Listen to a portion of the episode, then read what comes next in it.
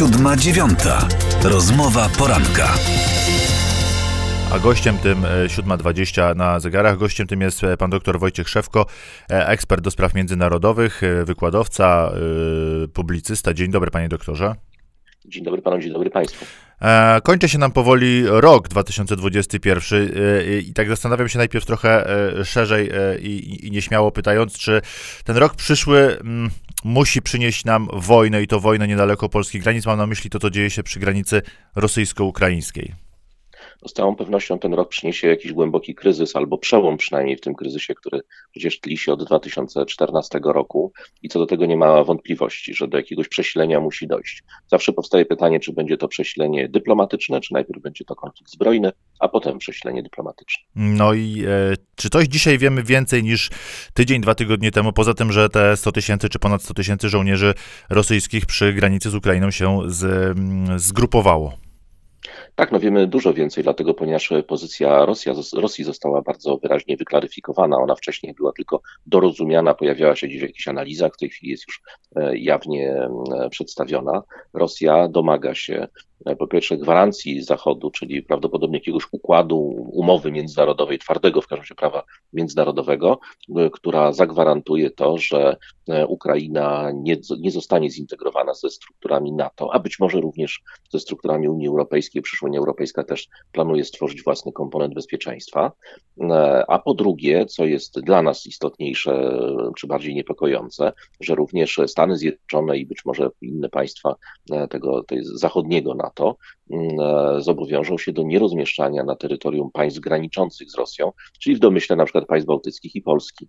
Mm, e, pewnych, pewnych określonych typów broni. Nie wiemy jakich typów broni, ale prawdopodobnie chodzi o jakieś bronie bardziej zaawansowane, czyli to jest, czyli Rosja chce tak naprawdę stworzyć e, kategorię państw, które są państwami nie w pełni suwerennymi, a w każdym razie takie, w których suwerenność będzie ograniczona no właśnie do tego komponentu bezpieczeństwa, czyli taką sobie strefę buforową, która ma nie zagrażać Federacji Rosyjskiej, no ale z drugiej strony ma właśnie, nawet jeżeli jest członkami NATO, to ma ograniczony status w ramach tego NATO. Panie doktorze, pan bardzo uważnie pilnie e, zerkam zawsze z ciekawością na Twitterze, analizuje zagraniczne media, także w tym kontekście. Co dzisiaj mówi się w prasie, która często ma lepsze e, dojście, kanały, kontakty, na przykład z amerykańską dyplomacją? Czy te rosyjskie oczekiwania, żądania, sugestie mogą być zaakceptowane, czy raczej będzie twarde nie ze świadomością tego, w co gra rosyjski prezydent? Właśnie tego, tego, tego tak naprawdę nie wiadomo, dlatego ponieważ e, już w tym roku i, w, i jeszcze w ubiegłym, ale wszystkim w tym roku mm, e, amerykańska dyplomacja udowodniła, że dochodzi do jakiegoś zasadniczego wycofania się Stanów Zjednoczonych z rozmaitych teatrów konfliktu, czy właściwie stref wpływów. Tak jak gdybyśmy mieli do czynienia z takim permanentnym, stałym odwrotem poczynając od tego słynnego wycofania się Trumpa z sojuszu z Kurdami, przez później kompromitujące wycofanie się przecież od głównego sojusznika e, nienatowskiego Stanów Zjednoczonych, jakim był Afganistan. E, mamy kapitulację Stanów Zjednoczonych w kwestii Nord Stream 2 e, i prasa amerykańska, zresztą bardzo dobry ci artykuł w New York Timesie, mhm. zadaje pytanie następujące. Jeżeli E, po pierwsze, przypomina, że w 2014 roku Obama również groził sankcjami, i to bardzo poważnymi sankcjami Rosji, jeżeli cokolwiek zrobi w sprawie Ukrainy, i dwa tygodnie później ona zajęła Krym, i jak widać, nic się takiego nie wydarzyło. Znaczy, te sankcje nałożone, e, jak widać, Rosji wcale niespecjalnie bolą. E, po drugie, wskazuje na to, że ta Ukraina to jest być może celowo sprowokowany przez Rosję test wiarygodności Stanów Zjednoczonych. No więc jeżeli Stany Zjednoczone ugną się przed rosyjskim tym dyktatem i e, zgodzą się na te gwarancje, to będzie to oczywiście zwycięstwo Rosji, klęska Stanów Zjednoczonych. To pokaże, że wystarczy potrząsnąć szabelką, żeby Amerykanie się wycofali. I e, to również wskazuje się na to, że to jest bardzo dobra informacja dla Chin, ponieważ jeżeli, jeżeli, e, jeżeli Stany Zjednoczone nie chcą interweniować w sprawie potencjalnego zajęcia czy okupacji części Ukrainy, to tak samo nie będą chciały ginąć za Tajwan. E, po drugie, wskazuje się też na to, że jeżeli Stany Zjednoczone znowu do, nie ugną się przed tym dyktatem i po prostu będą, powiedzą, że twarde nie.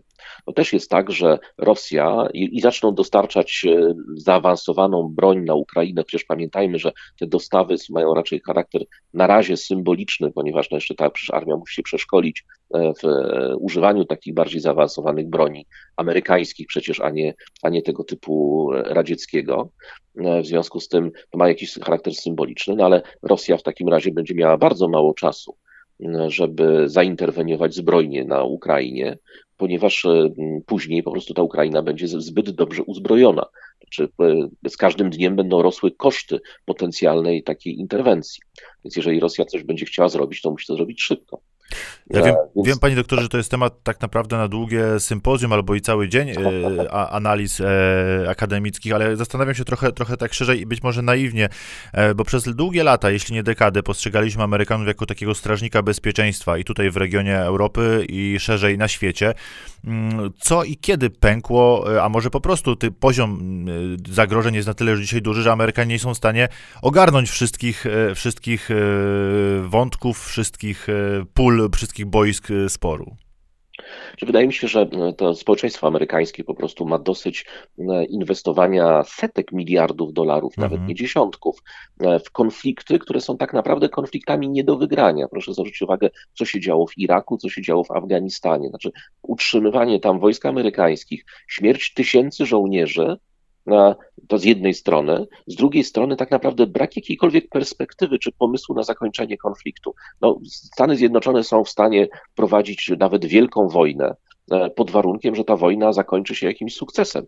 W ogóle każde państwo, a nie prowadzić konflikt, który trwa 15-20 lat i tak naprawdę nigdy się nie skończy. I co więcej, z każdym rokiem ta sytuacja się pogarsza. W związku z tym amerykański podatnik, co zresztą znakomicie wyczuwał Donald Trump, stwierdził, że po, że po pierwsze amerykańska armia powinna przede wszystkim bronić Stanów Zjednoczonych, a po drugie, jeżeli się pomaga sojusznikom, to tylko i wyłącznie takim, którzy e, no, rokują na przyszłość, tak? czyli takim, którzy przejmą w pewnym momencie obowiązek za swoją własną obronę. Zresztą to samo Trump mówił o Europie, prawda, że ile można mhm. łożyć na obronę Europy, kiedy Europa nie chce łożyć na swoją własną obronę. Więc ten sposób myślenia no, warunkuje e, postępowanie amerykańskich polityków w taki czy inny sposób, i to czy z lewej, czy z prawej strony. Oni nie mogą abstrahować od tego, czego domaga się ich własne społeczeństwo. A ich własne społeczeństwo ma dosyć oglądania, po pierwsze, trumien z amerykańskimi żołnierzami wracających z jakiegoś kraju, o którego istnieniu się połowa społeczeństwa dowiedziała właśnie dzięki temu konfliktowi.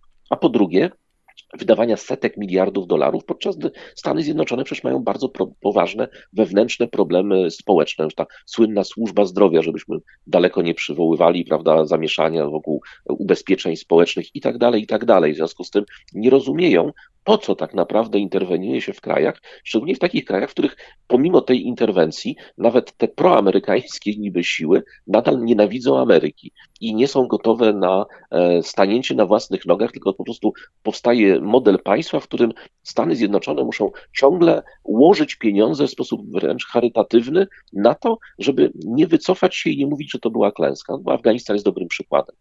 To prawda, pro problem e, nacisku czy presji e, społeczeństwa amerykańskiego jest bardzo, bardzo istotny w tym całym, tej całej analizie. To dopytam jeszcze, panie doktorze, bo mówiliśmy sporo o tym, co może się dziać za naszą bliską wschodnią granicą, ale trochę dalej e, zerknijmy. Co w relacjach Izraelu z Iranem, bo tam też Amerykanie mieli dać, no jeśli nie zielone światło, to, to wzruszyć ramionami na sygnały ze strony Izraela, który przedstawić miał harmonogram do jakiegoś, jakiejś formy ataku na, na Iran. Co z tymi też rozmowami z Iranem? No i dlaczego tam jest też problem? Znaczy, różnica jest taka, że Izrael jest zdolny do zaatakowania mhm. Iranu. Tyle tylko, że Iran odpowie atakiem nie tylko na Izrael, ale również na bazy amerykańskie, wszędzie tam, gdzie one się znajdują. I tych baz jest bardzo dużo i one nie są dostatecznie chronione. W każdym razie nie uchronią żołnierzy przed no, prawdopodobnie dużymi stratami. To jest jakby pierwszy element. Również e, Iran jest zdolny do zaatakowania sojuszników amerykańskich, takich jak na przykład Arabia Saudyjska, czy zablokowania cieśniny Ormus. Izrael natomiast i ten pomysły izraelskie na atak na Iran, o to nie jest pierwszy raz, były wielokrotnie wstrzymywane właśnie przez Stany Zjednoczone, które, które blokowały to, zapowiadały niedopuszczenie izraelskich samolotów na przykład do przestrzeni powietrznej Iraku i tak dalej. Dla, I wskazując, że jeżeli Izrael rozpocznie taką wojnę, będzie walczył sam. A Izrael nie jest w stanie takiej wojny prowadzić samodzielnie. Przecież nie zajmie terytorium Iranu, może co najwyżej Iran zbombardować. Iran wystrzeli wtedy tysiące rakiet plus dziesiątki czy setki tysięcy tych rakiet krótkiego zasięgu z terytorium Libanu czy z terytorium Gazy, co zablokuje prawdopodobnie albo mocno upośledzi te, te systemy antyrakietowe. No więc w takiej sytuacji Izrael zresztą uzależniony od też dostaw rakiet na przykład czy, czy broni z zewnątrz, no bo nie, jest, nie posiada tak tak sprawnego z przemysłu zbrojeniowego, żeby sobie te zapasy uzupełniać, szczególnie pod bombami. Zresztą te zakłady przecież będą celem numer jeden. Więc e, rozpętanie wojny na taką skalę, której Izrael ją rozpoczyna, ale Stany Zjednoczone będą musiały ją kontynuować, jest po prostu nie na rękę Amerykanom. Natomiast Iran oczywiście o tym znakomicie wie i to jak najbardziej wykorzystuje.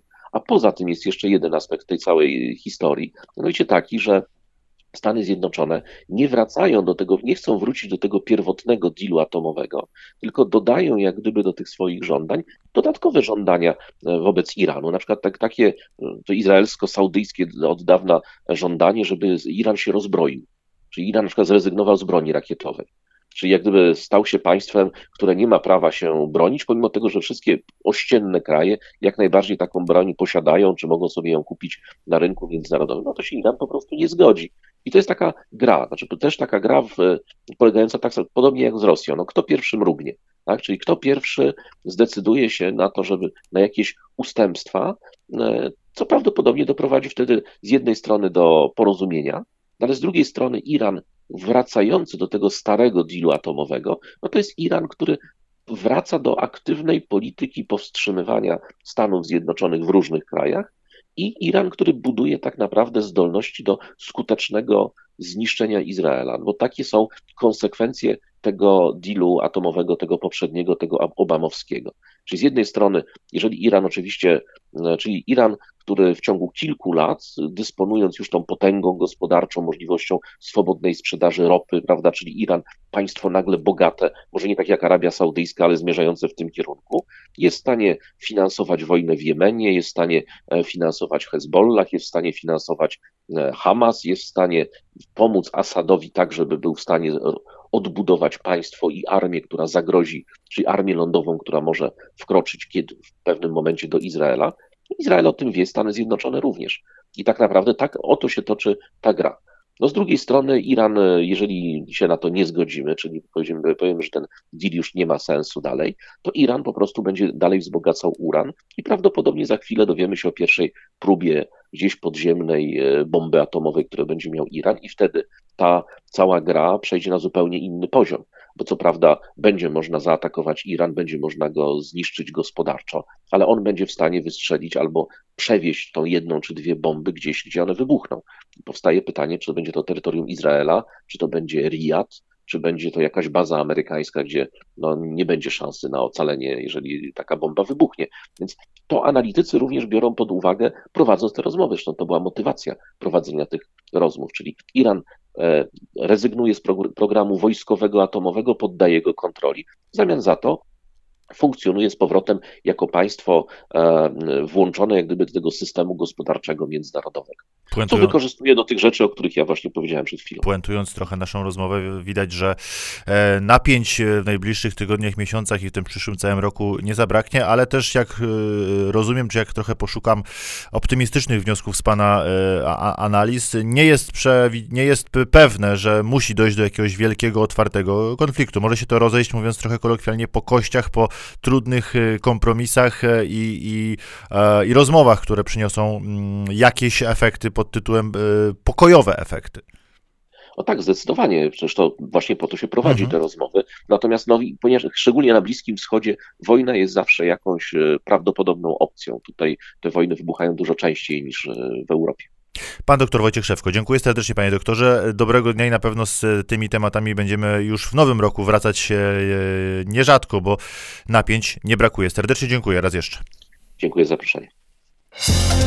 Siódma dziewiąta. Rozmowa poranka.